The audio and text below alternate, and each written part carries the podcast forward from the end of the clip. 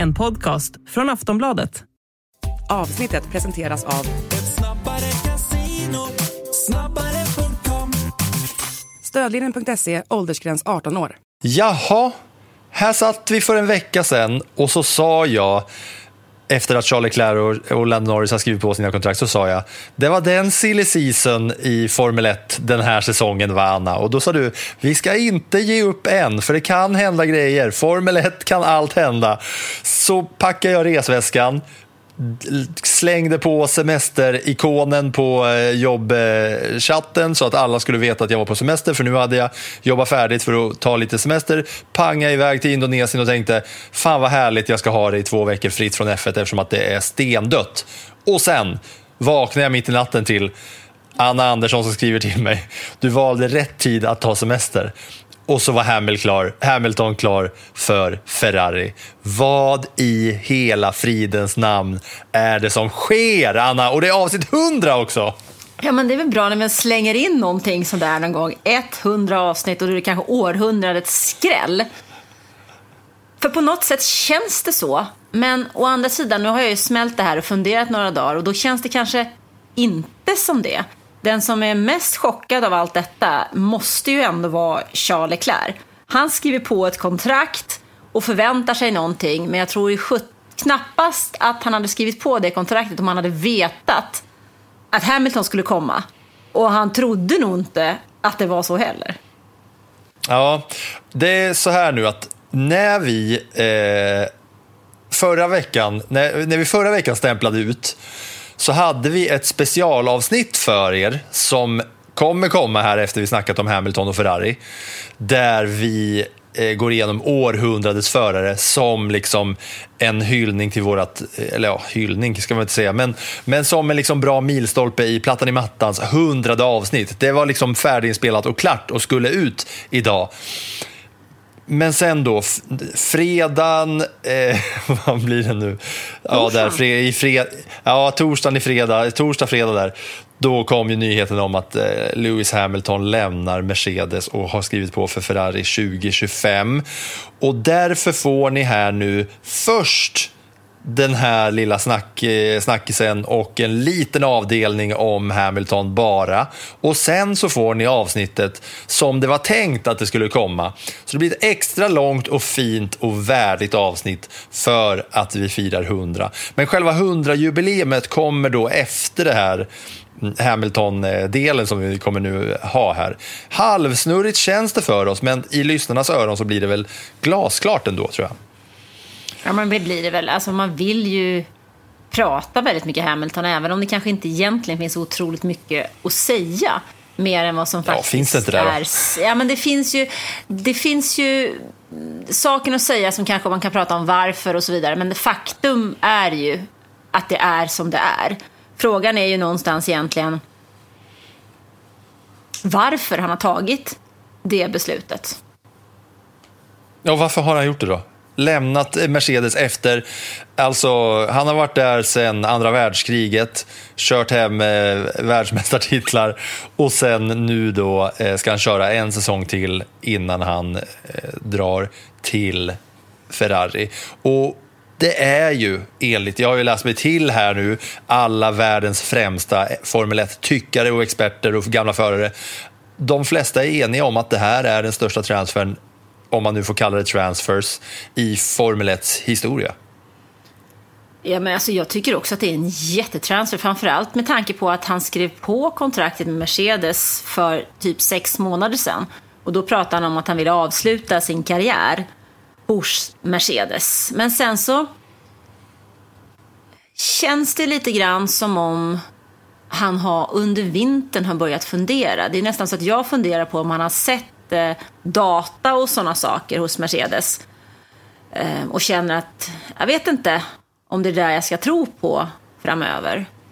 Eller också är det ju så att han har ju en relation med Fred Vassör. Det var faktiskt med Fred Vassör som han körde när han tävlade för Art och vann sina titlar i nuvarande Formel 3 och Formel 2. De har ju ofta sett snacka i depån. Det har ju ryktats mycket om Ferrari och Hamilton redan under fjolåret. Om det är så att han har haft den där liksom, ja, lite vid sidan, vi får se. Och sen så när säsongen tog slut och han har sett speeden i Ferraris bil och de kanske har påtalat lite mer om vad som kommer och vad som är möjligt så blir han sugen. För säg den racerförare som inte vill köra för Ferrari. Jag tror inte att han eller hon finns. Max Verstappen då kanske?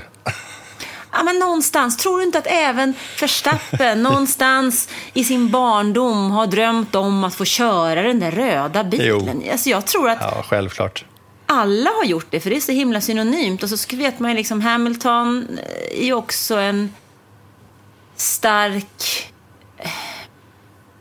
Han har en stark dragning till Niki Lauda som har betytt mycket för honom. Och Niki Lauda kommer ju tillbaks och har ju vunnit VM med Ferrari och är ju en Ferrari-ikon också. Och kanske är det någonting som ligger där. Och, och ska han vinna den där åttonde VM-titeln och bli störst av alla så måste han ju ett ha en bil som kan göra det och två så skadar det inte att köra för fler team. Visserligen har han kört för McLaren men det var fortfarande en Mercedes-motor som han hade. Och sen har det känts att det tagit lite enkelt och ska han då se till att Michael Schumacher ramlar ner från tronen så vad gör han det bättre än hos Ferrari? Mm. Det är några, eh, några punkter som är intressanta att, att kika på. Det är ju just det som du nämnde förut, att han förlängde kontraktet förra säsongen. Och då eh, verkar det ha varit så att han själv ville skriva på ett längre kontrakt med Mercedes, men de bara erbjöd honom ett ettårskontrakt. Han ville ha tre år. De kom lite överens om, de möttes på mitten och körde ett år plus ett års option.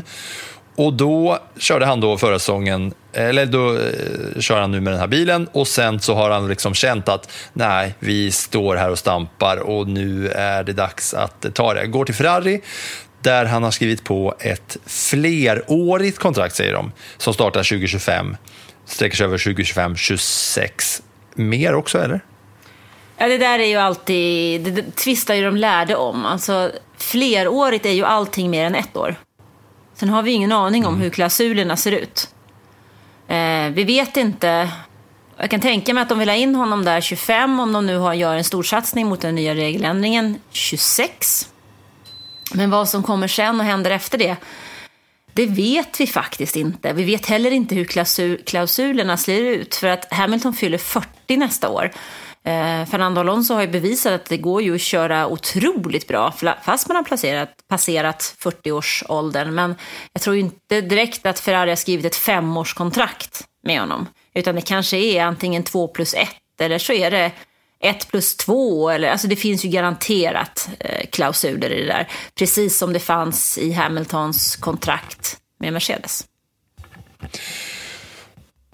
Och sen så är det väl några punkter. Det kommer ju bli ett pussel då sen, för nu öppnas alltså en plats upp i Mercedes och en plats garanterat eh, försvinner med Carlos Sainz och den pusselbiten kommer försvinna. Någon ska in i Mercedes, Audi kommer och sen är det nya reglementet 2026. Det är mycket som blir intressant bara av den här, eller bara, men av den här eh, flytten. Så känns det som att det är, mycket, det är en helt ny värld som öppnar sig. Ja, men det, det, är lite så som man hittar den där pusselbiten som passar där man inte trodde att den skulle passa så öppnar sig liksom hela pusslet eller man bygger någon sån här Carcassonne eller någon sån här spel liksom, som man sitter med. Va, vilket brickor. spel? Carcassonne. Carcassonne? Heter det inte så? Aldrig hört talas om. Ja, eller så har jag spelat det. Jag vet inte, det är ett sånt eh, brädspel där du bygger världar liksom och ska bygga städer och floder och alltihopa. Aha. Låter kul. Ja, Det men det är precis. Den här, flytten är som, den här flytten som Hamilton gör, den öppnar upp för att F1-världen blir som Carcassonne-spel. Ja, den öppnar upp i alla fall för att det ska bli väldigt annorlunda. Den öppnar för nya möjligheter. För vi vet ju inte. Det känns som att det är så otroligt mycket ovisst. Och lite det tycker jag också är charmen med silly season i F1. I år, alltså i fjol var den ju urtrist. Om man ser till årets säsong. Alltså det, det har ju inte hänt någonting överhuvudtaget. Men nu känns det som att man börjar flytta på de här stora pjäserna. Och då blir det lite svallvågor. Det som händer med mig är ju att jag känner ju bara nu jag vill bara snabbspola 2024-säsongen även fast den inte har börjat. Och man vill ju bara ha 2025-säsongen nu. Man vill se Hamilton i rött. Bara det var ju också konstigt när det började komma ut bilder, alltså så här photoshoppade bilder som Ferrari la ut också och hela den där grejen. Att eh, Hamilton har på sig, bara det känns konstigt. Det är liksom som att se Lionel Messi i en Real Madrid-tröja, typ. Ja. Det känns, det liksom känns- Så, det känns så snett. Ja, för samtidigt måste du komma ihåg, Michael Schumacher gick ju åt andra hållet. Han gick ju faktiskt från Ferrari till Mercedes. Det var bara det att han tog en liten paus emellan. Ehm, och sen är det så tydligt också som Hamilton har varit sin team trogen i så många år. Det är lite grann som om man skulle se liksom Max Verstappen i Aston Martin. Och, och sen var det ju det här också, apropå att det kom ut så här bilder på, uh, photoshoppade bilder med, med Hamilton i Ferrari-kläder. Men det var ju också sättet, alltså sättet som det här gick till. Att Ferrari bara annonsar då med en enkel bild, alltså man har sett så miljontals olika eh, presentationsvideos och Premier League-klubbar i fotbollsvärlden och NHL och andra sporter. Det är så himla avancerade och långa PR-koncept där folk köttar på eh, med långa liksom, eh, videos. Men Ferrari skriver bara så här. Ferrari are delighted to announce eh, that we have signed a multi-year contract with Lewis Hamilton. Ja, men de Inget hade... mer, röd bakgrund.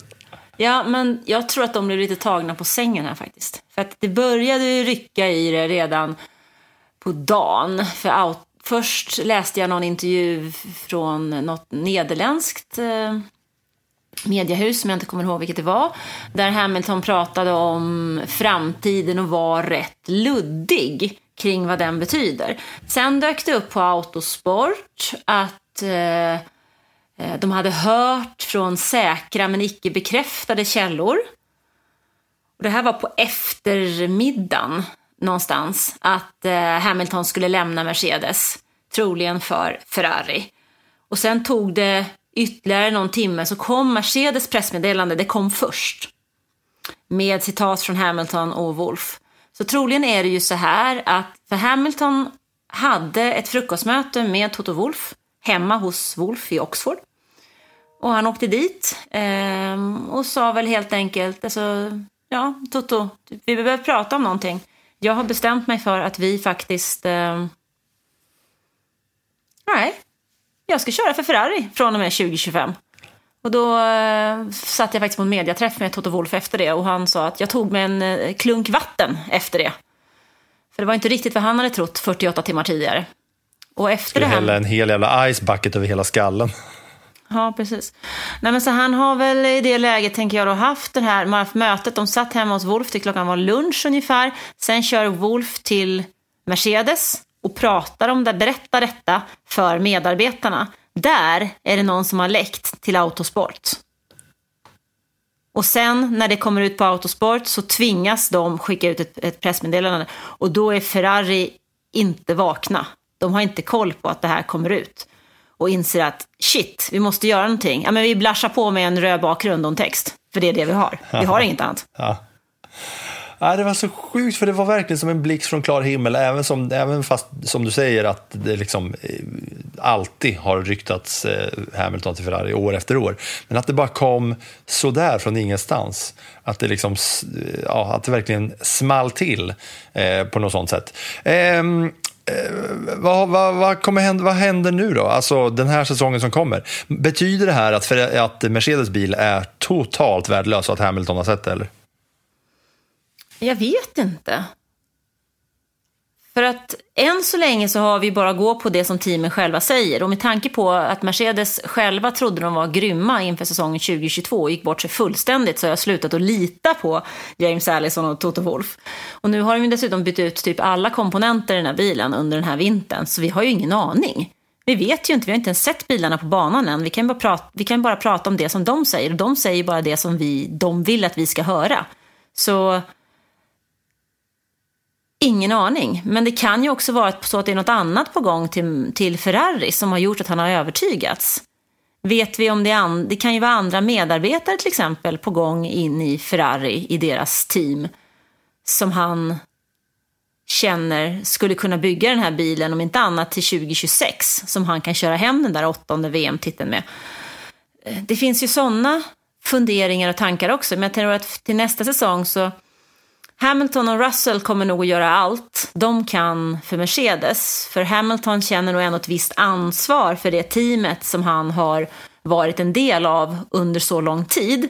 Däremot så kommer han inte vara inblandad i någon form av utveckling av den där bilen eller i någonting som handlar om framtid, för där är han ju körd nu. Mer intressant tycker jag nästan är att se vad som händer hos Ferrari. För det första tror jag inte att Charlie Leclerc är så jätteglad över att bli teamkompis med Lewis Hamilton. För att jag vinner honom, vinner han över honom så kommer han ju vara en hjälte. Men om Hamilton slår Leclerc så kommer ju Leclerc att tappa. Ja, det är mycket av det där, men jag hörde också att Leclerc, eh, att det kommer kommentarer på att Leclerc visste om eh, det här när han, när han eh, signade på sitt kontrakt. Att han eh, var medveten om att eh, Hamilton är på ingång här. Men det vet man ju inte.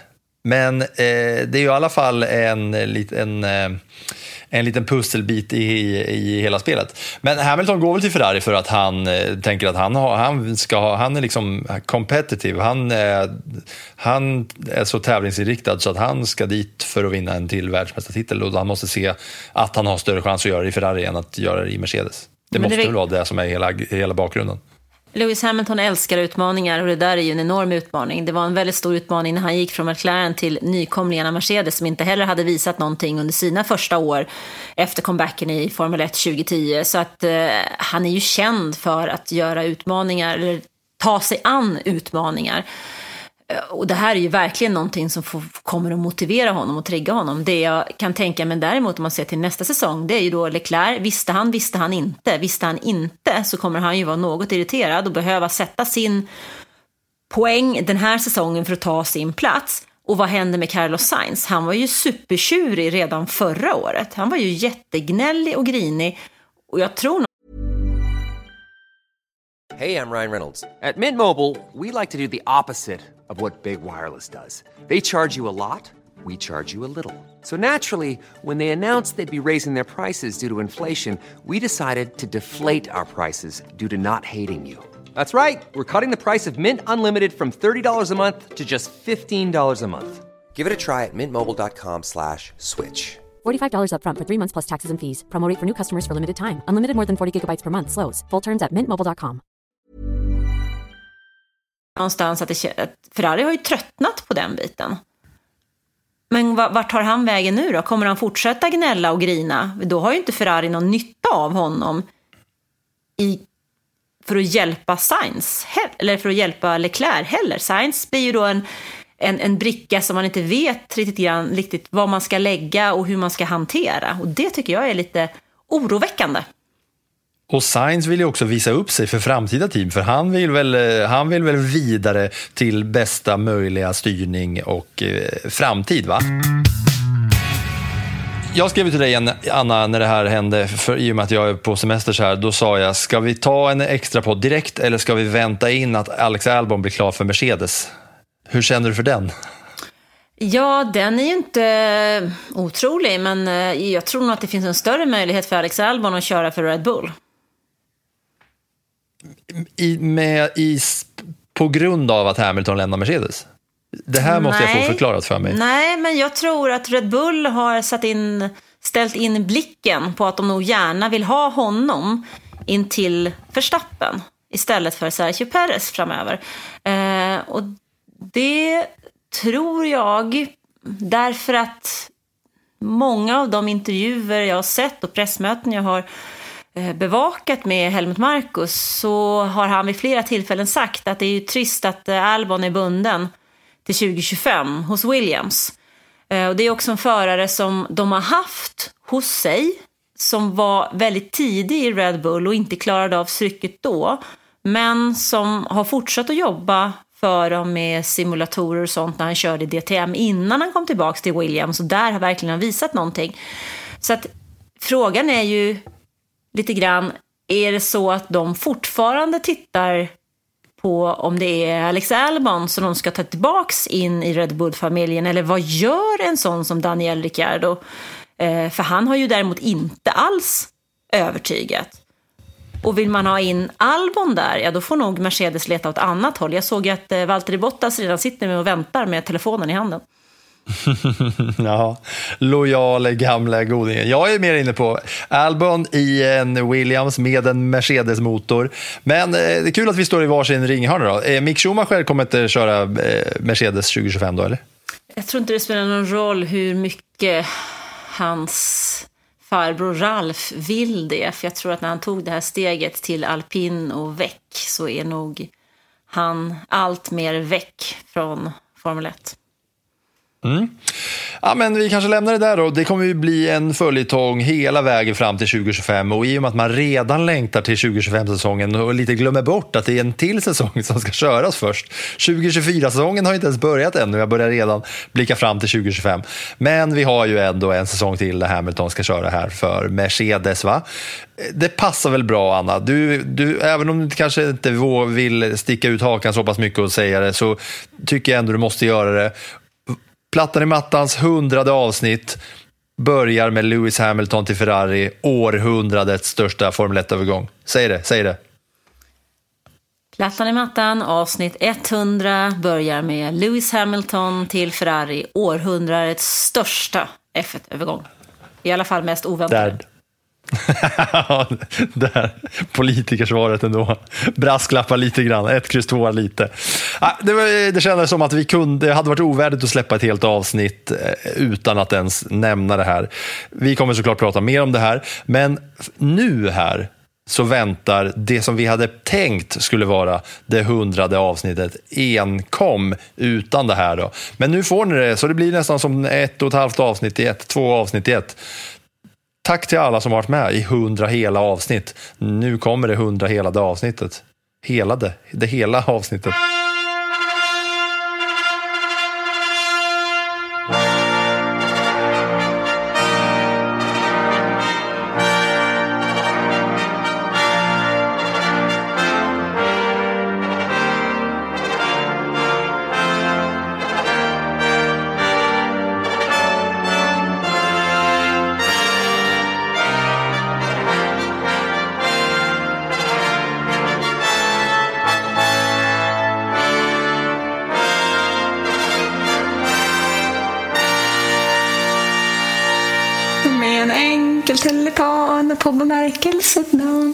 Jag hade näran, jag hade näran och gratulera.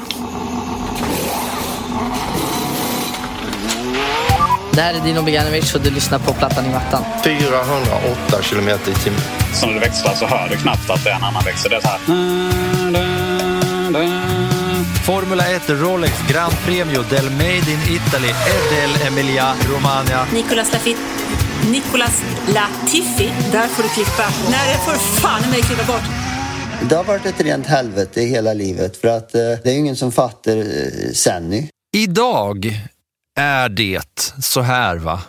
Det är sjukt att ens kunna säga det med tanke på vart vi började och vart jag själv började rent kunskapsmässigt av Formel 1 och Formel 1-podden Plattan i mattan.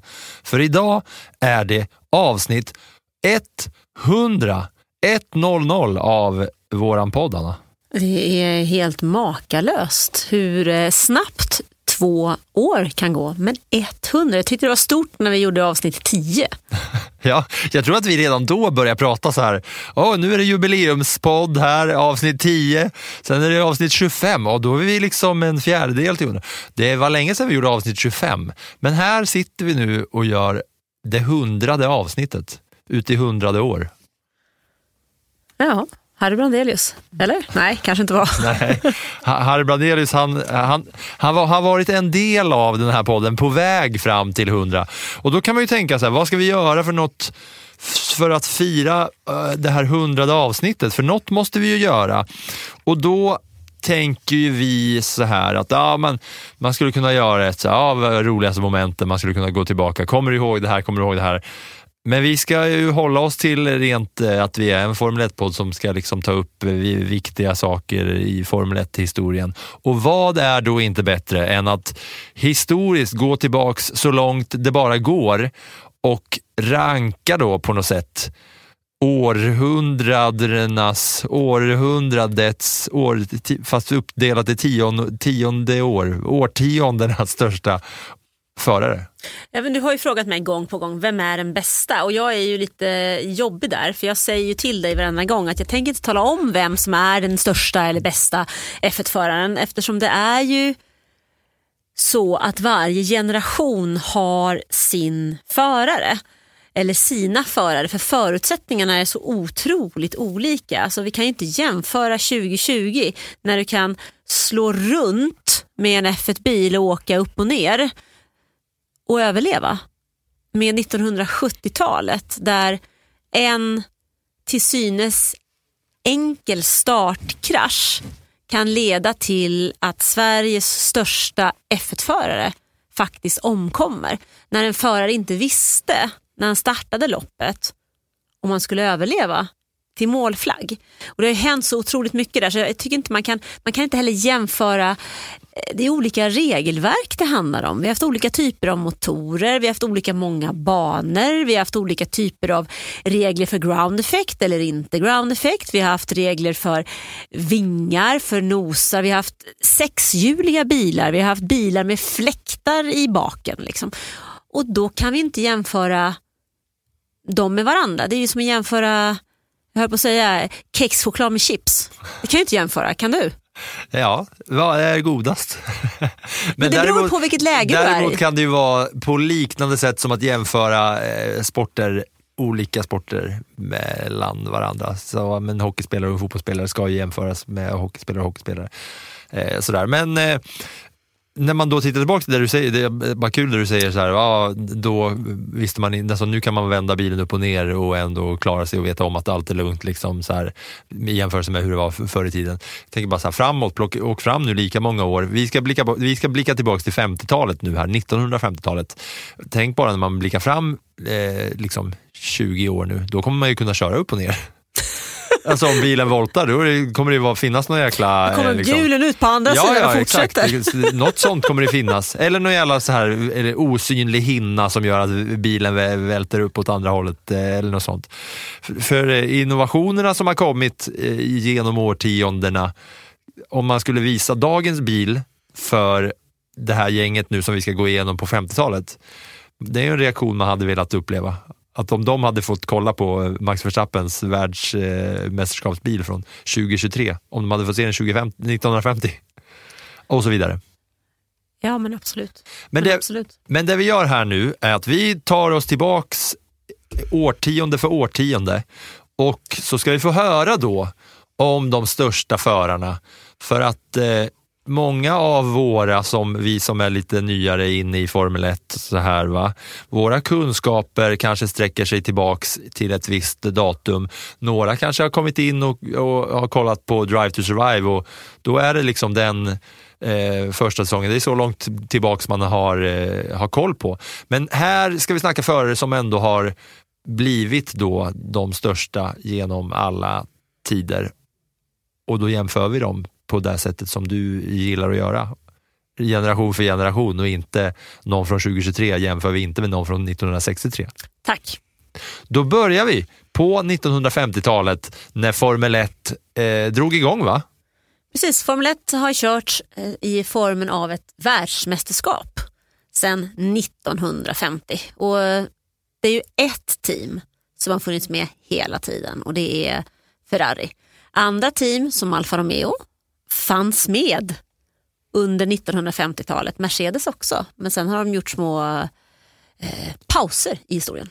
Hoppat lite fram och tillbaka. Och då när vi ska, det blir kul nu när vi ska då, när vi då har konstaterat att man ska inte jämföra dem med varandra. Men det första namnet som kommer nu här, vi kommer ta tre per, per årtionde. Och det första namnet som kommer på 1950-talet är enligt många då när man söker sig omkring eh, experter, den största genom alla tider. Eh, baserat på alla tider från, från eh, dag ett till dags datum.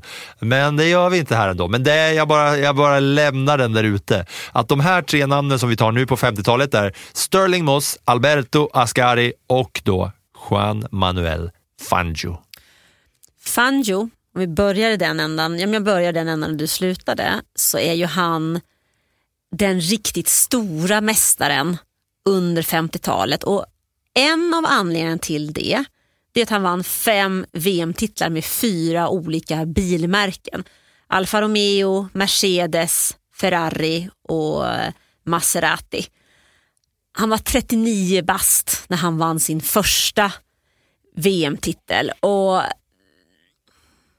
Fangio var ju fram till dess att Michael Schumacher vann fem VM-titlar, den mest framgångsrika genom tiderna. Nu har ju även Hamilton nått fem och förbi den, så han är ju på något sätt, man kan väl säga att han är ju 50-talets riktigt stora och ett namn som man ska ha koll på. Både för att han har vunnit fem titlar men för att han också blev kidnappad faktiskt i samband med ett F1-lopp.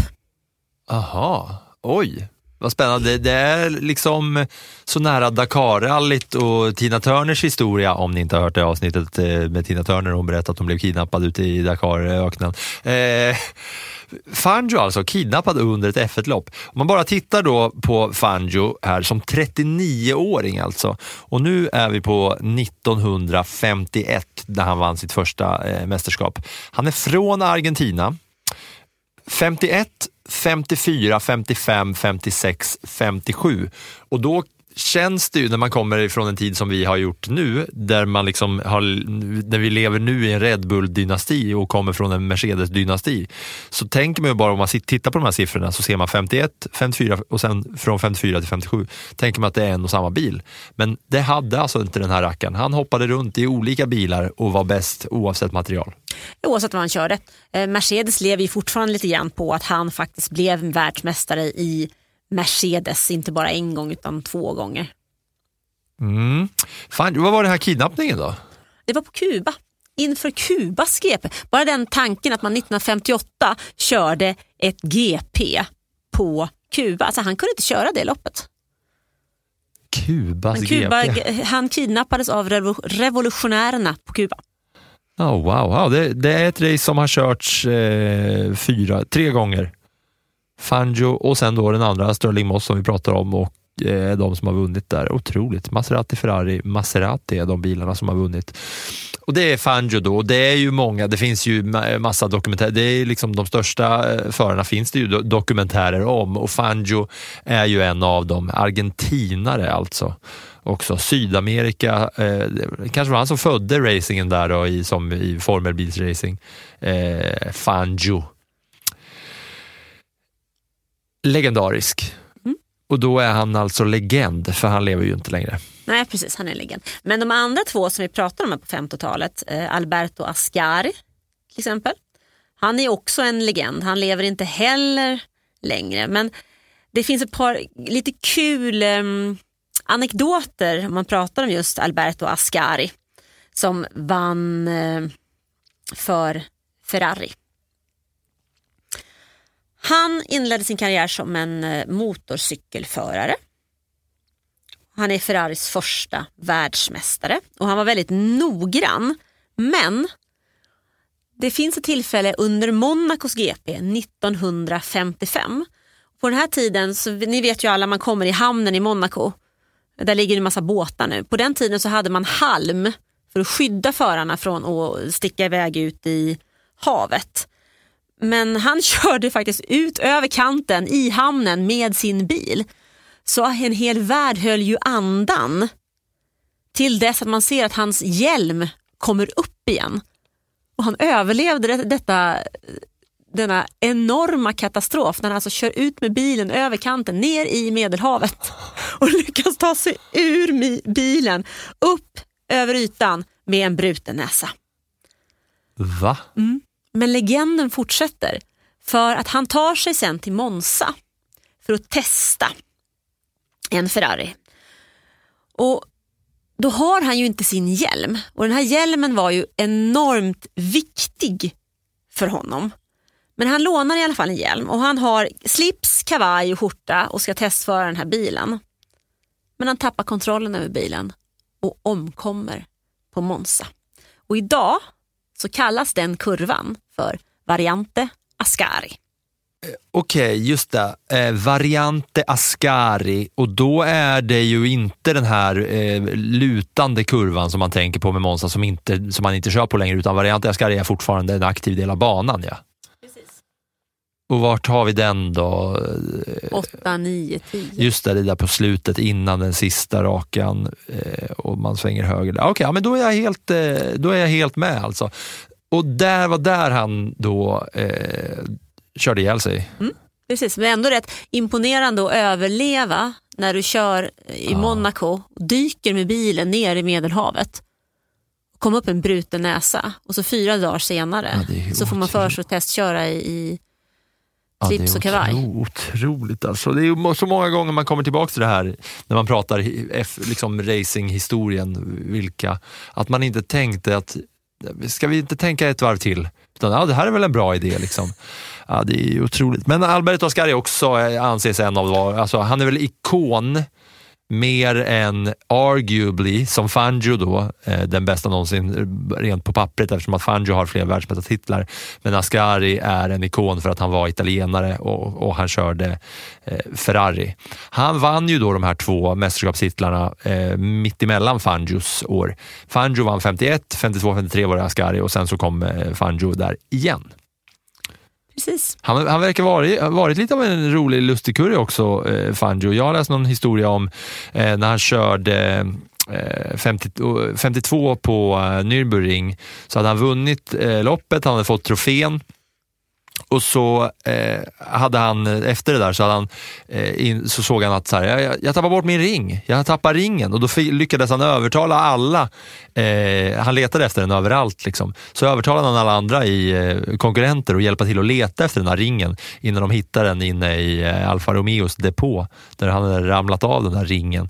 Ja, han var eh, lite så här, skrattade lite åt allt, allt det där. Fangio Ascari och sen har vi eh, den tredje här då, Sterling Moss, som inte har någon världsmästartitel men ändå är med på listan. Ja men det är han ju därför att han är väl kanske den bästa föraren som aldrig har vunnit en VM-titel.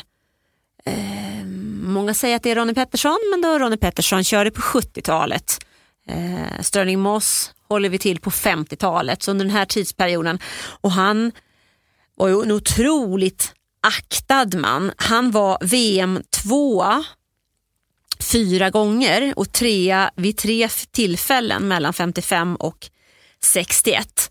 62 kraschade han sin Lotus väldigt illa och låg i koma i en månad. Eh, han var förlamad.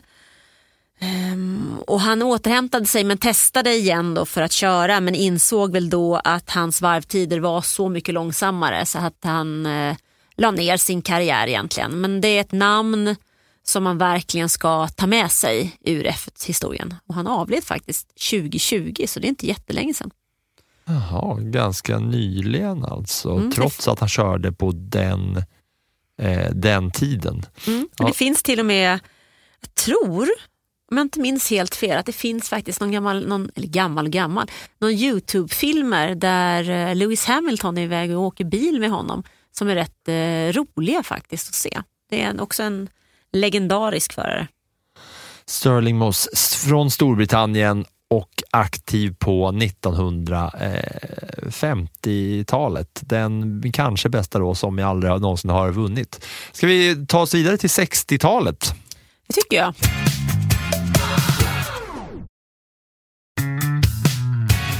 känns som att det är stor skillnad på 50 och 60-talet bara rent i, alltså här, i moderna samhället. Det känns som att nu är vi nästan i nutid. 60-talet. Nästan i nutid. Och där har vi tre, tre andra namn som, eh, som vi ska plocka fram här. Eh, kanske att det är eh, ett fjärde namn som borde komma in här också, men det får vi se. Eh, då säger jag Jim Clark, Graham Hill och John Surtees, va? Mm. Det är väl de tre i alla fall som för mig är F1 på 1960-talet. Pratar vi om Jim Clark, lantbrukare från Skottland som hade ett väldigt nära samarbete med eh, Lotus och eh, Colin Chapman med två VM-titlar. Men han var också jättenära. Vid två tillfällen så tappade han faktiskt VM-titeln i sin, sina sista lopp. Liksom. och det var tillfällen han ledde loppet. Men eh, fick tekniska problem. Jag vill, bara, jag vill bara stanna upp där på eh, Colin Chapman. Det var han klassiska som även hade Ronnie Pettersson som var ute och viftade med hatten. Precis. Eller hur? Precis. Eller viftade med hatten, det var väl en basker, men han återigen när man bara tittar tillbaka på historien, då tyckte man det var en bra idé att kuta ut på start och målrakan när man gick i mål och vifta och kasta sin hatt när bilarna kommer där i hur, alltså det snabbaste som går att köra en, en farkost framåt. Liksom. Mm. Det var en bra idé då. Ja, men, han, han, men han är klassisk på, han, i Ronnie Petterssons eh, historik också. Absolut, och jag tänker Jim Clark, det är ett namn som vi har sett eh, under 2023 när man har radat upp en massa lister med Max Verstappen och, och rekord och sådana saker. För att Clark, när han dog eh, efter ett, eller i samband med ett Formel 2-lopp på Hockenheimring 1968 så hade han vunnit fler F1-lopp, 25 stycken, och tagit fler pole positions än någon annan. Och han har haft en jättebra statistik under åren så det är sådana namn som dyker upp. Och Många anser också att han var en av de mest begåvade förarna någonsin. Jim Clark vann eh, VM två gånger, 63 och 65. Och sen är det då Graham Hill också. Och Det är ju en man som vi minns framförallt för att han är den enda som har vunnit motorsportens Grand Slam. Monaco GP, Indy 500 och 24-timmarsloppet Le Mans. Han har vunnit The Triple Crown vid sidan av att han dessutom då vann VM i Formel 1. Och det där är ju en grej alltså. Mm. Alltså det för ju honom och upp på listorna. Han vann eh, VM två gånger också på 60-talet, alltså Formel 1 eh, VM. Men just det här med triple crown alltså. För det är många som har försökt. Det är extremt många som har försökt. Men alltså Fernando Alonso har ju försökt, han är väl det senaste. Eh, Juan Pablo Montoya, eh, Jack Villeneuve. Men eh, det är svårt, han är alltså den enda som har lyckats med de tre. Det tar ju upp honom högst på min, alltså det lyfter ju upp honom på min då lista som jag bara gör i, ho, i huvudet här, helt ovärdigt mellan alla.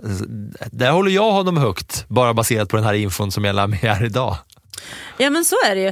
Um, det vi också ska komma ihåg, hans son Damon Hill blev ju också världsmästare i Formel 1 och han var den första sonen till en världsmästare att vinna en VM-titel. Ja, vi ska bara förtydliga. Eh, Triple Crown är väl inte att vinna ett, hela mästerskapet, det är att vinna Nej. tre lopp. Det är Monaco, Monaco. Indy 500 och eh, Le Mans. Precis, det där är omtvistat. Alltså det finns ju de som, pras, som, som kallar det som mästerskapet också. Det där är lite omtvistat men grunden är de här tre klassiska loppen.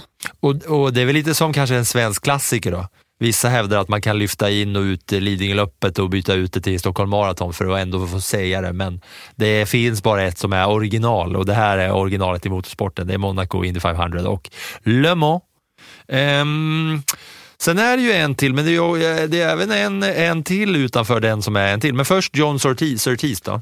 Ja, men för mig så tycker jag att han, han ska vara med där. Han är ju faktiskt fortfarande den enda världsmästaren på både två och fyra hjul. Han har alltså vunnit både i road racing Också coolt. och Formel 1. Det är otroligt cool den här britten. Um, han har sju VM-titlar i motorcykel. Oh, wow, det är också någonting. Det här är också liksom ett bevis på talang som vi aldrig någonsin kommer få se igen. För inte, inte fasiken kommer någon eh, köra först motorcykel och sen bara komma in och vara bäst på att racea med fyra hjul också. Nej, men det pratas ju väldigt mycket om Valentino Rossi eh, under hans tid och jag kommer inte ihåg, jag tror att det vart något F1-test där för honom.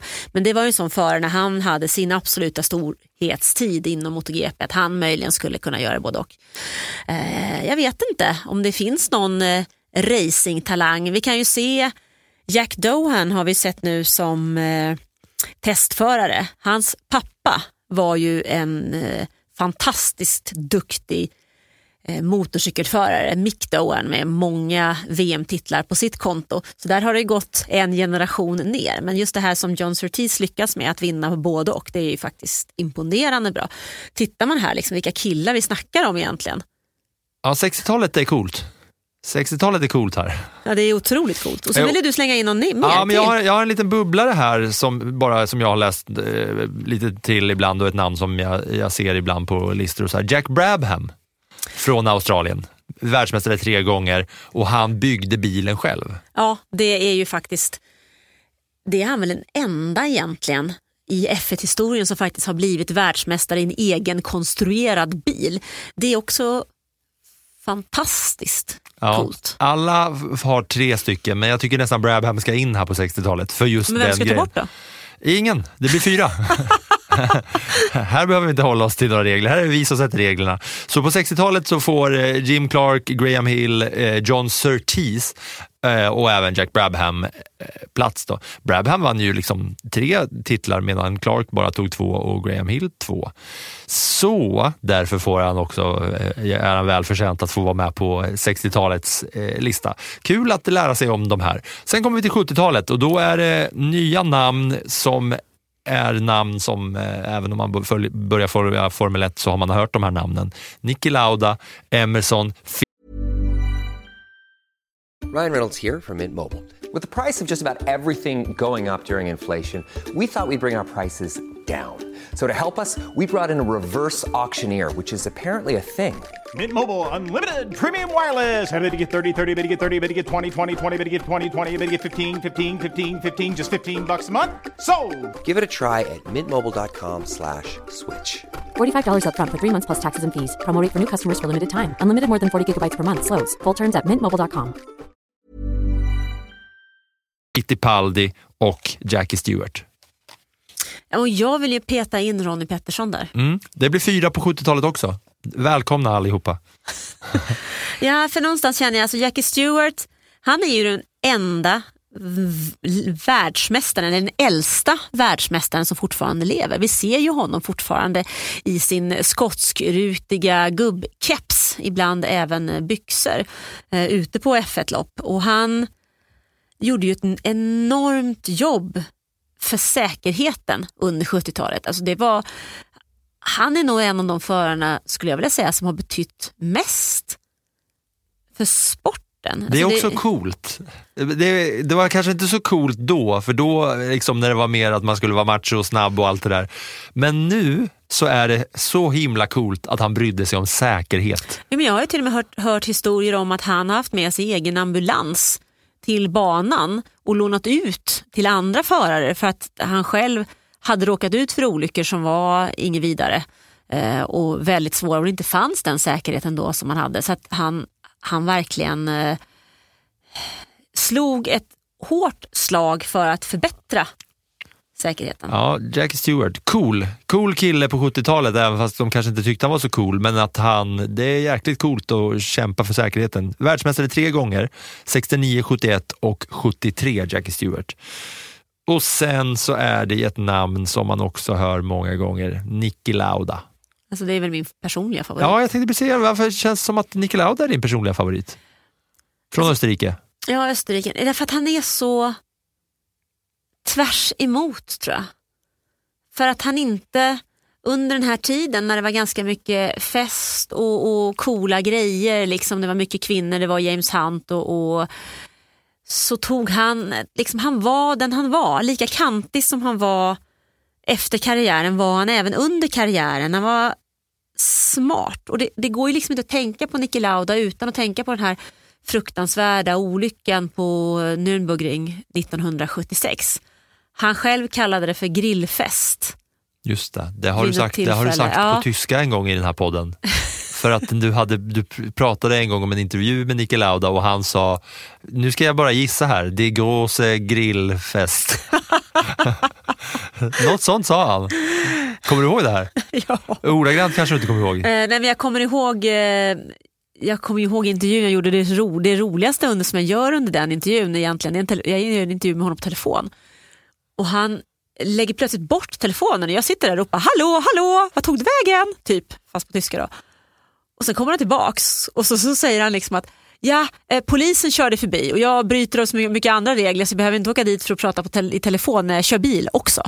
Just det, Eh, och det är så på något sätt typ, så typiskt honom. Men just det här att den här fru, fruktansvärda smällen när han sitter instängd i en brinnande bil, eh, alla skador som det orsakar honom eh, och att han sen också gör en comeback Ja. sex veckor senare. Det är det som är skönt att höra i det här när man pratar om äldre förare och fruktansvärda olyckor, för det brukar vara synonymt med att de mister livet.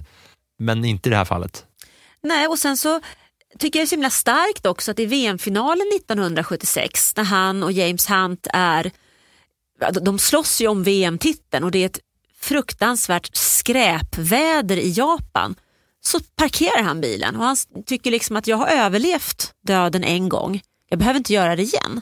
Och säger då egentligen nej tack till en VM-titel och värderar säkerheten högst. Och på något sätt så är det Ja men det är starkt. Han vann alltså tre VM-titlar och han är väl den enda föraren va, som har vunnit både VM-titeln både med McLaren och Ferrari.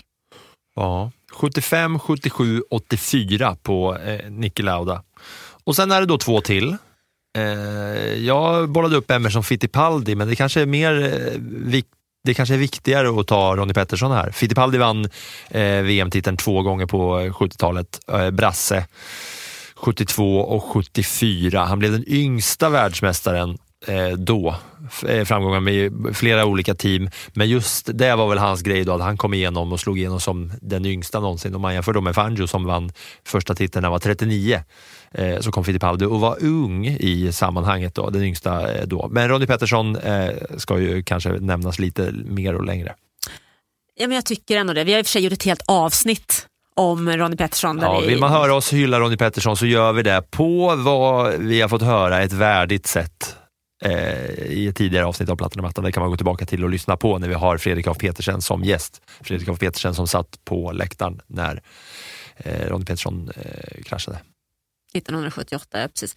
Ehm, och det, Ronnie Pettersson är ju Sveriges största F1-förare och han var ju även en välkänd profil i F1. Därför tycker jag att han ska vara med på den här listan. Det tycker jag med.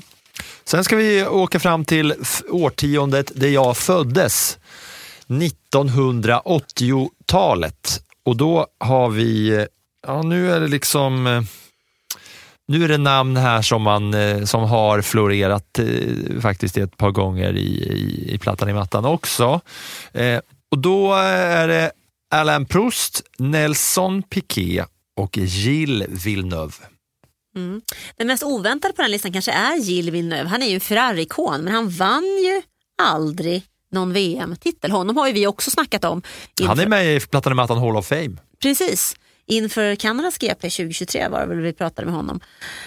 Eh, Niki Lauda kallar ju honom för den galnaste jävel jag någonsin har mött i Formel 1.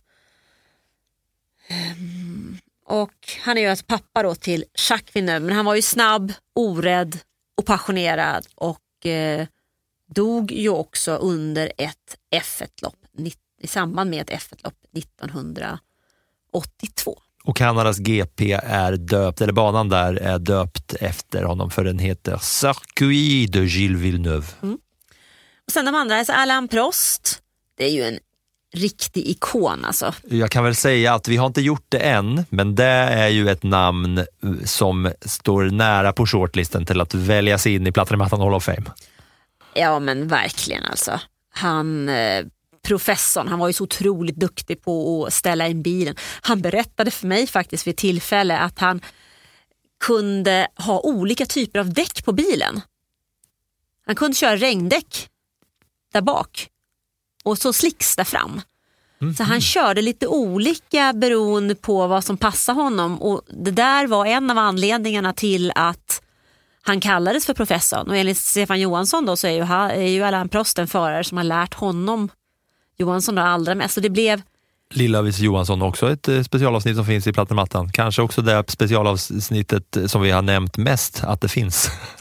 han är mycket möjligt, men vi minns ju Alain Prost för fyra VM-titlar, 51 segrar, 106 pallplatser och så gör han en comeback 1983 som bara är ämnad för att ta hans, 1993 förlåt, som är ämnad för att han ska ta sin fjärde VM-titel och han lyckas också. Sen har vi ju nämnt honom, tänker jag, också i samband med eh, Ayrton Senna. För, För- deras bataljer är ju ikonisk. Ja, det känns som att man inte kan nämna den ena utan att nämna den andra för att det pågick under eh, så pass lång tid och det var på så, så pass hög nivå mellan de båda. Men Prost i alla fall, fransman, 85, 86, 89 och då 93 världsmästare. Mm. Och Nelson Piquet, han knyter ihop oss med dagens Formel 1 faktiskt. Mm, på ett eh, kul sätt som vi har pratat om ett par gånger eh, via Max Verstappen och eh, dottern Kelly Piquet. Ja, Kelly Piquet. Som yes. var ihop med Daniel Kviat, som, som körde för Red Bull, som, som fick ett barn ihop, som sen inte var lika bra som den här killen i Toro Rosso. Så Toro Rosso-killen Max Verstappen kom upp, tog Daniel Kviats styrning och hans tjej och deras barn. Det kanske var lite hårt. Men ja, sen är det faktiskt så att han åkte på en jättestämning efter att ha häcklat eh, och haft rasistiska uttalanden om Lewis Hamilton i samband med eh, VM-avgörandet eh, i fighten mellan Hamilton och Verstappen 2021. Men Nelson Piquet han är ju, han vann tre VM-titlar. Det kunde ha varit fyra han eh, var också med i en sån här lång smutsig kampanj eller kamp mot eh, Nigel Mansell där han hävdar att Mansells fru var fulast av alla i depån. Han känns som lite bad boy Nelson Piquet. ja, det var också Stefan sa det, han hade aldrig haft så roligt förutom när han, när han flög med, med eh, Nelson och lyssnade på de historierna. Nej, både lite bad boy och lite, lite liksom ful i kanten kanske. Men han hade också många kamper med Senna. Han har väl också några citat där det handlar om så här, han och Senna, eller tänker jag fel? Att det finns något klassiskt citat, jag har det någonstans har jag hört det. Ja, men gör, jag vet, jag vet, du kanske tänker på det när Motorsport Total frågade honom vem som var bäst, han eller Senna. Och just det, han, han svarade jag lever eller något sånt. Precis. Ja, just det. Ja, det är ju lite halvt tondövt kanske eh, på något sätt. Vem var bäst, du eller Senna? Jag är den som lever eller något sånt. Ja, ja det får man ju det får man ju ta med sig också. Om Nelson Piquet, the bad boy av 1980-talets Formel 1-racing eh, då, får man säga så? Det är väl inte felbeskrivet? Eh, men sen får man väl kanske så här också, eh, nu ska vi till 90-talet och där gissar jag på att Senna eh, får plats, men Senna skulle ju kunna få liksom, smygas in redan på 80-talet. Han vann ju världsmästartiteln 88, men när vi tar oss till 90-talet så gissar jag på att Ayrton Senna får plats där, för att han vann ju två titlar 90-91. Precis, det känns ju som att Ayrton Senna har sin stora period under 90-talet, så därför ligger han med där. Där har vi i min värld så består 90-talet av Senna, Mika Häkkinen och Damon Hill. Mm, Damon Hill, det ska bli kul att höra om Damon Hill. Här kan ju många också tänka att, men hur kan man inte ha med Mikael Schumacher på eh, 90-talet? Och då är det ju för att han körde ju dynastin Ferrari på eh, 2000-talet. Men kanske ska han väl in även på 90-talet eftersom att då tog han ju den här sjuka titeln när han kom från ingenstans med det här eh, miniteamet 7-Up-bilen och vann eh, VM 94-95. Men vi sparar Schumacher till eh, 2000-talet och så tar vi, vill du säga något mer om Senna förresten? Ja men det tycker jag vi kan göra. Alltså, jag, Senna, man kan ju inte prata om Formel 1 och Formel 1-historia utan att prata om Ayrton Senna och de bra grejerna han gjorde. Jag menar, han är ju faktiskt den förare som Lewis Hamilton har satt upp till i alla år. Han gjorde Formel 1 till religion i Brasilien. Han var snabbare än alla. Han kanske är den snabbaste F1-föraren som någonsin har kört. Han var gigantisk. Samtidigt så hade han ju en helt annan sida.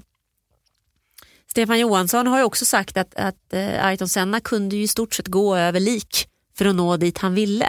Han, eh, Senna var ju en förare som kanske inte insåg att för att vinna kriget måste man inte vinna alla slag.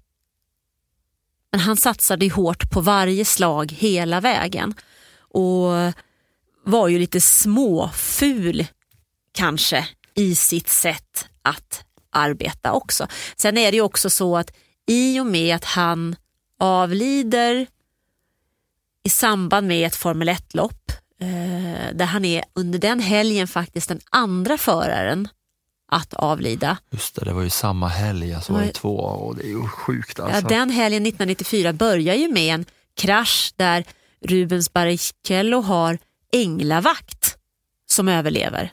Sen dagen efter så dör ju Roland Ratzenberger och sen Ayrton Senna. Det är första majhelgen 1994. Ja, alltså det är så många gånger som man pratar om såna här eh, dödshistorier eh, och man bara så försöker, för, för Formel 1 var ju skitstort även då.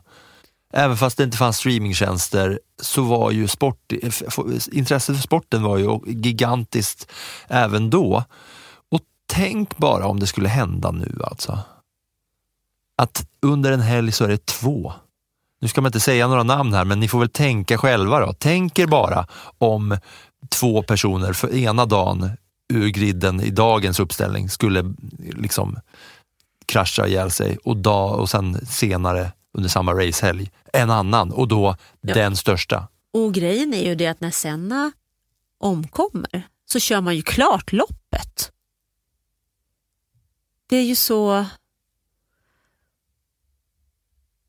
absurt på mm. något sätt. Mm. Och tänka tillbaka, och det är ändå inte jätte... Jag minns ju det här.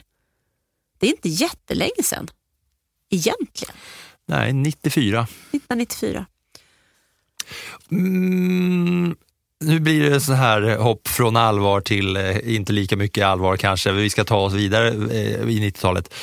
Och en rimlig övergång då blir ju att gå till Mika Häkkinen som kommer in när han då får göra sitt första eh, kval för McLaren där han då satt bakom Senna under en hel säsong. Så fick han komma in och så kvalade han ut Senna direkt, Mika Häkkinen som är med på den här listan.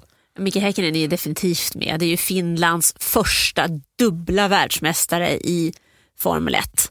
Eh, den andra finska världsmästaren efter Keke Rosberg. Det är egentligen helt sjukt. Det är ju fantastiskt bra av Finland att ha vunnit fyra VM-titlar i Formel 1. Fyra VM-titlar! Mika ja. Häkkinen har vunnit 50 procent av dem. Och hans, alltså, nu har vi redan haft ett helt avsnitt om Mika Häkkinen som också är med i våran F1 Hall of Fame tillsammans med båda Villeneuve-herrarna och Schumacher. Men fler från den här listan ska väl in förr eller senare. Ja, förr Men det kanske senare. blir några andra som inte är de största som ändå ska in. Man måste ju inte ha vunnit för att vara med i Hall of Fame. En sån som Pastor Maldonado kanske ska in någon, någon gång i framtiden till exempel. Ja, vem vet, vem vet? Jag tycker nästan att han förtjänar en plats, men det är en annan historia. Mika Häkkinen eh, hyllar vi i ett eh, eh, PIM Hall of Fame avsnitt, så hans historia kan ni få en, nästan en timmes lyssning eh, där. Precis, och den tredje som jag har med det är ju Damon Hill eh, och inte Michael Schumacher. Och det är för att Schumacher känner jag är ju mer, Schumacher har de här två VM-titlarna eh, under 90-talet. Sen har han ju en tyngre period både tillsammans med Ferrari och även sett till hans eh, uppförande på banan. Han behöver mogna lite för att ta den platsen och det tycker jag inte jag att han gör förrän han äh, har fått de här åren hos Ferrari. Och då Men... tycker jag att Damon Hill och de kamperna. Jag ska säga bara först, Damon Hill, son av Graham Hill. Precis. Triple Crown-mästaren som vi hade tidigare i årtionden. Precis, och Damon tar över efter Ayrton Senna hos eh, Williams. Och Det är en näst intill omöjlig uppgift egentligen. Men han är ändå med och slåss om VM-titlarna mot Michael Schumacher här i mitten av 1990-talet. Och jag tycker att det är först när Schumacher byter till Ferrari som Hill vinner sin VM-titel. Och jag känner ändå att han, de fighterna och den titeln som han vinner där 96, jag tycker faktiskt att det är riktigt, riktigt stort. Och Damon Hill vann ju en VM-titel, eh, där som du pratade om, eh, under tiden som han fightades mot Schumacher, när Schumacher för, gjorde ett försök till att krascha ut eh, Hill också. 1996 vinner han VM-titeln. Mm. Eh, det var ju en sån också, för att det visste de ju då. Det var ju det som var grejen inför 97-avgörandet mot eh, Jacques Villeneuve, att då hade de med sig året innan hur Schumacher hade liksom gjort en sån där... Mm. Ja, och det är lite därför jag tycker att Schumacher inte passar in i en Hall of Fame, eh, eller i, i den här år vad ska vi kalla den Årtionde, här? Århundradets bästa förare, PIM jubileumsavsnitt 100, vi går igenom massa gamla förare avsnittet.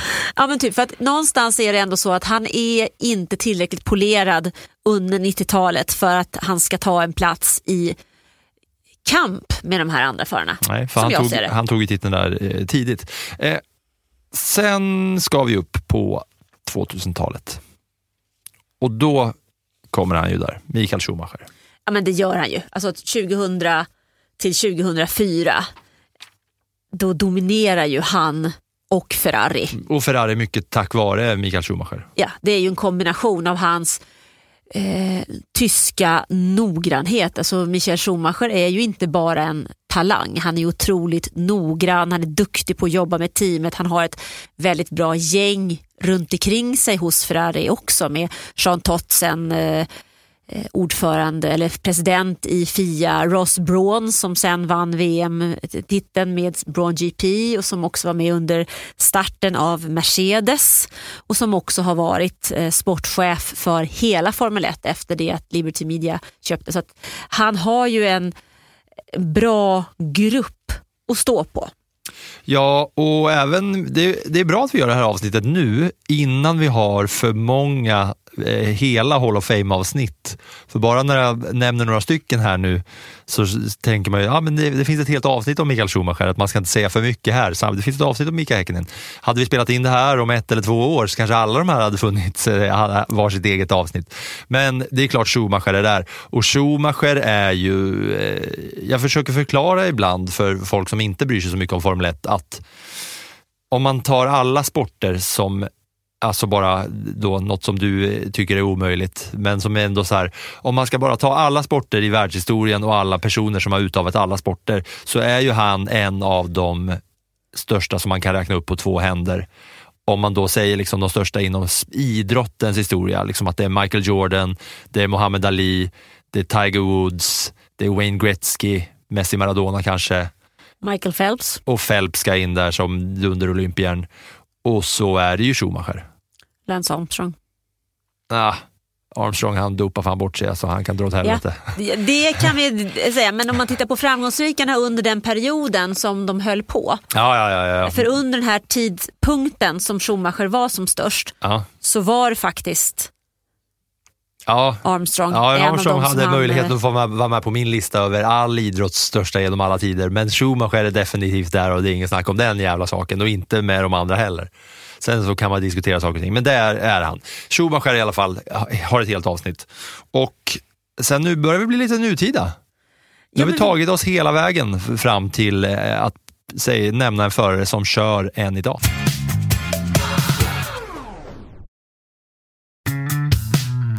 Fernando Alonso. Det är sjukt att tänka att han tog sin första titel, eller att han vann världsmästartiteln för nästan 20 år sedan. Ja, det som jag tycker någonstans är så otroligt stort med just Fernando Alonso det är ju det att han och Renault petar bort Michael Schumacher och Ferrari från tronen 2005.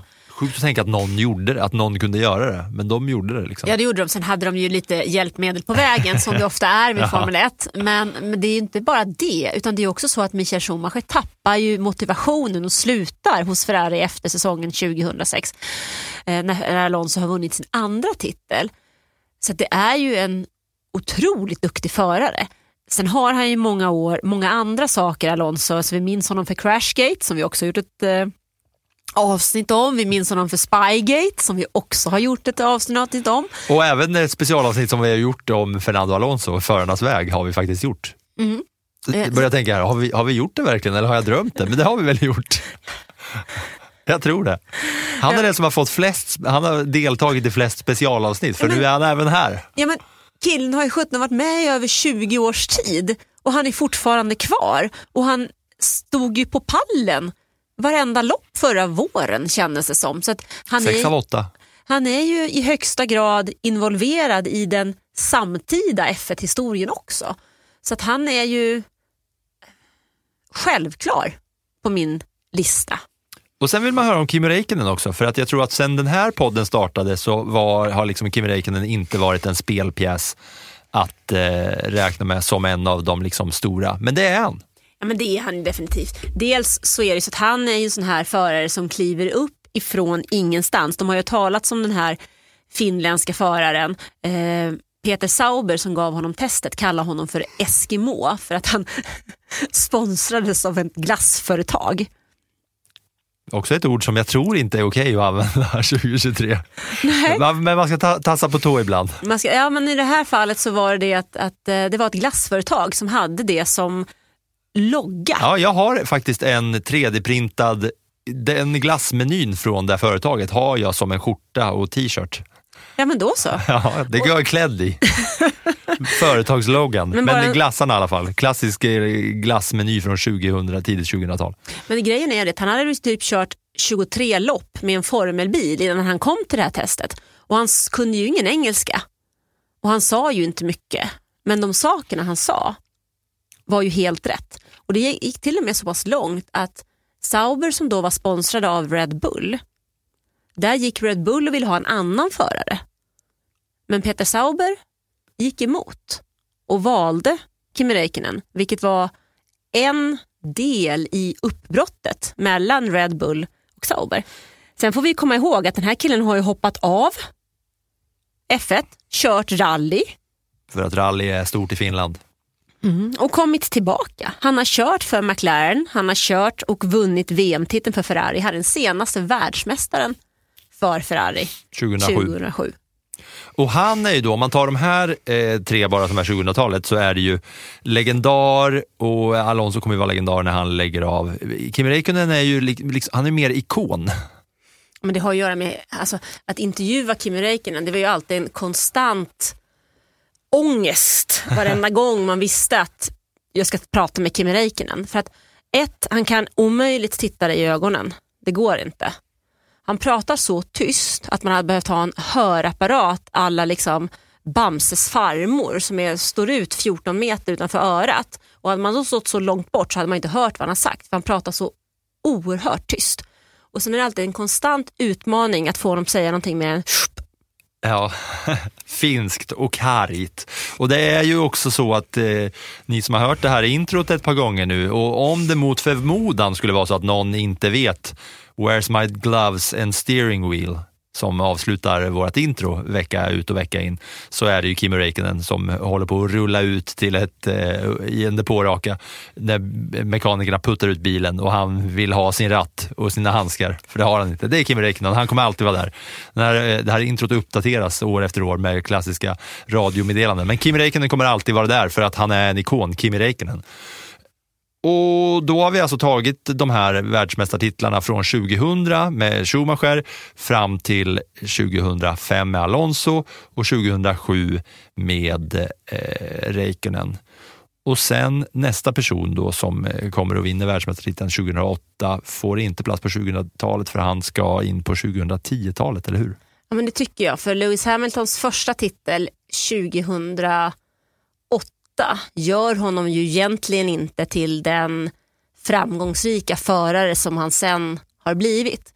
Den titeln som han vinner 2008 tillsammans med McLaren ehm, är ju sen 2009 så lider ju McLaren av en regeländring och av det enorma straff de får betala efter Spygate. Ehm, och de har en rätt dålig bil och Hamilton är en hyfsad förare under några år. Han blommar ju inte ut förrän Niki Lauda, där kom han igen, värvar honom till Mercedes och Mercedes har en motor som är bättre än alla andra motorer.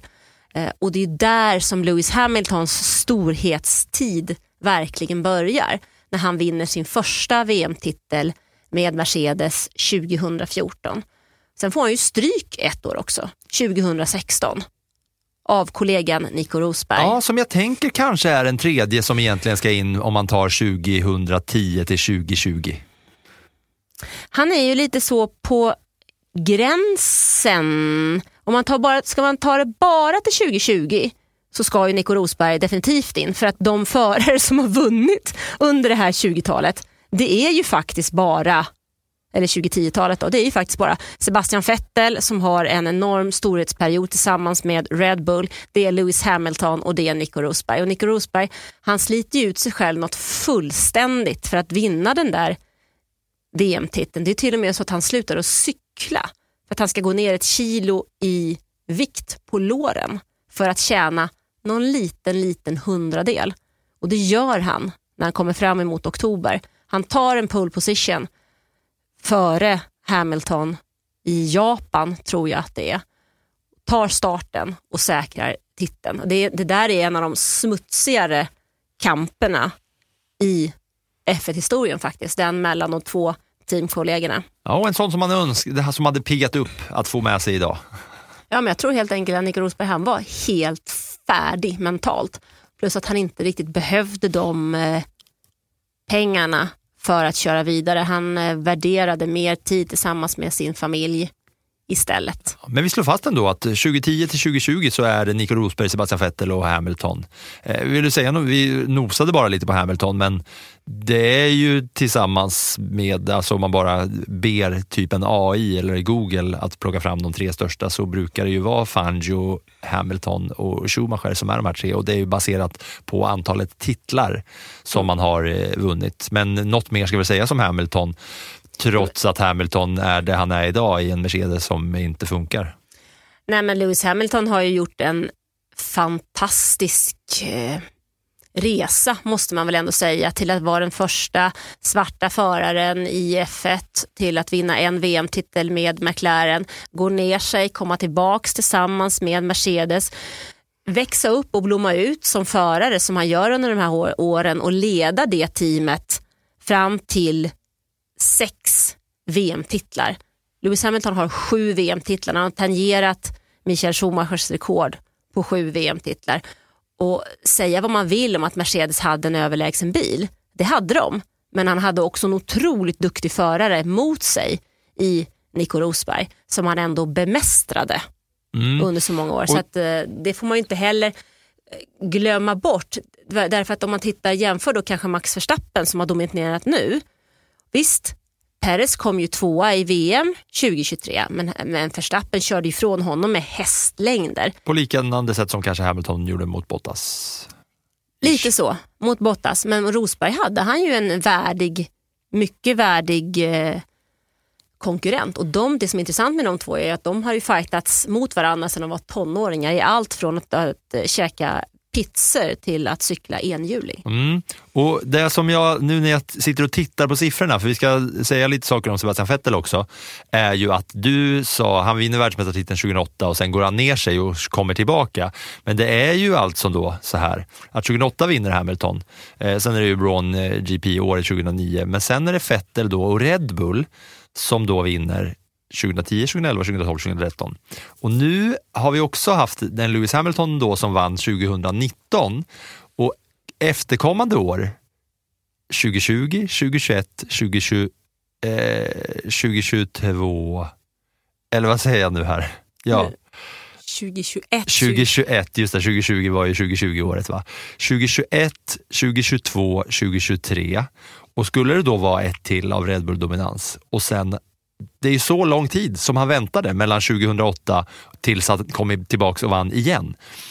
Och då ser man ju då historiens vingslag som kanske har möjlighet att uppenbara sig. Om det tog då fyra år för Mercedes att komma tillbaka, eller Lewis Hamilton att komma tillbaka, så skulle det kunna vara så igen fyra år på gång och sen återkommer och då tar han och eh, skulle ta åttonde och blir den största någonsin rent eh, Vi kan ju notera att 2025 är det sista året på Lewis Hamiltons nuvarande kontrakt och vad vore bättre än att avsluta den säsongen för honom med en åttonde VM-titel. Mm. Och Sebastian Vettel då som eh, vi har nosat på här 2010, 11, 12, 13. Sebastian Vettel är ju också en sån här supertalang egentligen. Alltså många som kanske har kommit in i F1 lite senare, de ser ju honom med hans engagemang för eh, lika möjligheter, för miljö, för sann kärlek, för rättigheter och med ett enormt stort socialt patos egentligen. Men när han kom upp så kom han ju faktiskt upp som en jättetalang via eh, BMW vidare till Toro Rosso och vann faktiskt, eller det, det är nuvarande Alfa Tauri som kommer heta något annat under 2024. Men med det teamet tog han ju en seger på Monza 2008 innan Red Bull ens hade vunnit ett enda lopp.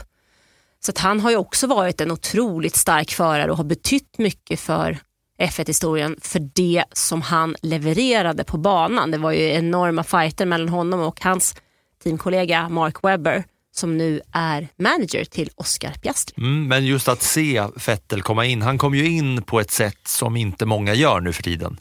Och bara så här, oj, vem är den här killen? Han kör hur mycket bättre som alla, alla andra i en bil som inte borde göra det. Ja, och dels så, så eh, när han gjorde sitt första F1-lopp så gjorde han ju det i en BMW Sauber i USAs GP och där kör han in på poängplats. Det var ju innan han sattes ens i en eh, Toro Rosso. Ja, eh, Vettel alltså världsmästare 2010, 2011, 2012, 2013. Och eh, där har vi dem. Vilken gedigen lista och värdig ett 100 avsnittsjubileum. Ja, och sen får man säga att Max Verstappen ja. ligger ju utöver detta. Men honom har vi pratat mycket om. Ja, och framförallt när vi då, när 2020-talet är gjort och man summerar då när man sitter här 2030, 2031 eller när någon sitter någonstans 2030, 2031 så kommer Max Verstappen garanterat och självklart vara med på de listorna oavsett vad som händer eh, kommande år racingmässigt. Skulle man väl tro ändå. Ja, men det är väl klart. Alltså de här åren, framförallt den titeln som han tar 2021 och Max Verstappen är ju också ett underbarn. Jag menar bara det faktum att killen vinner sitt första race för Red Bull Racing 2016 eh, är ju enormt. Och det sättet som han har förändrat Formel 1-sporten bara med det tanken på att han kom till Formel 1 innan han ens hade ett vanligt körkort. Han var ju 17 år när han debuterade i Formel 1 och fram till hans resa fram till dess och sen de här senaste åren där han slagit rekord på rekord på rekord på rekord. Så det är väl klart att Max Verstappen kommer att finnas med på framtidens lista. Mm, men där har ni alltså en lista och lite goda namn som man kan eh, dyka ner i mer om man vill.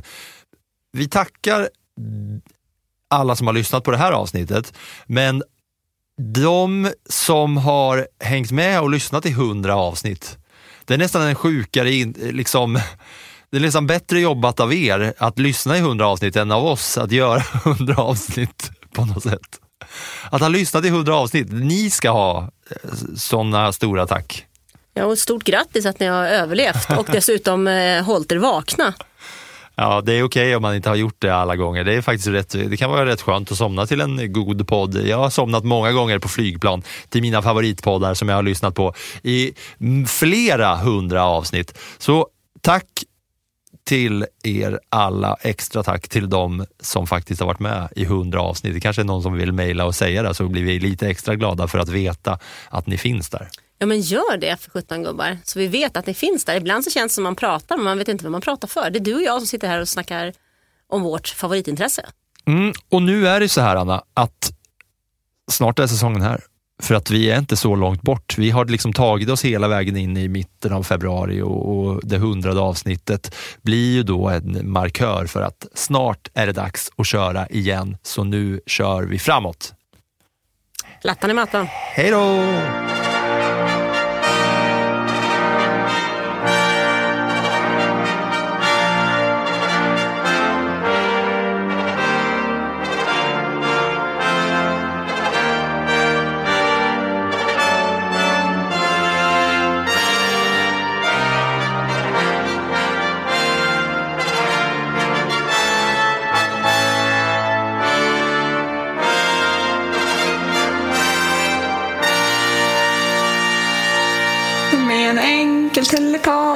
På bemärkelset namn. Jag hade näran, jag hade näran och gratulera.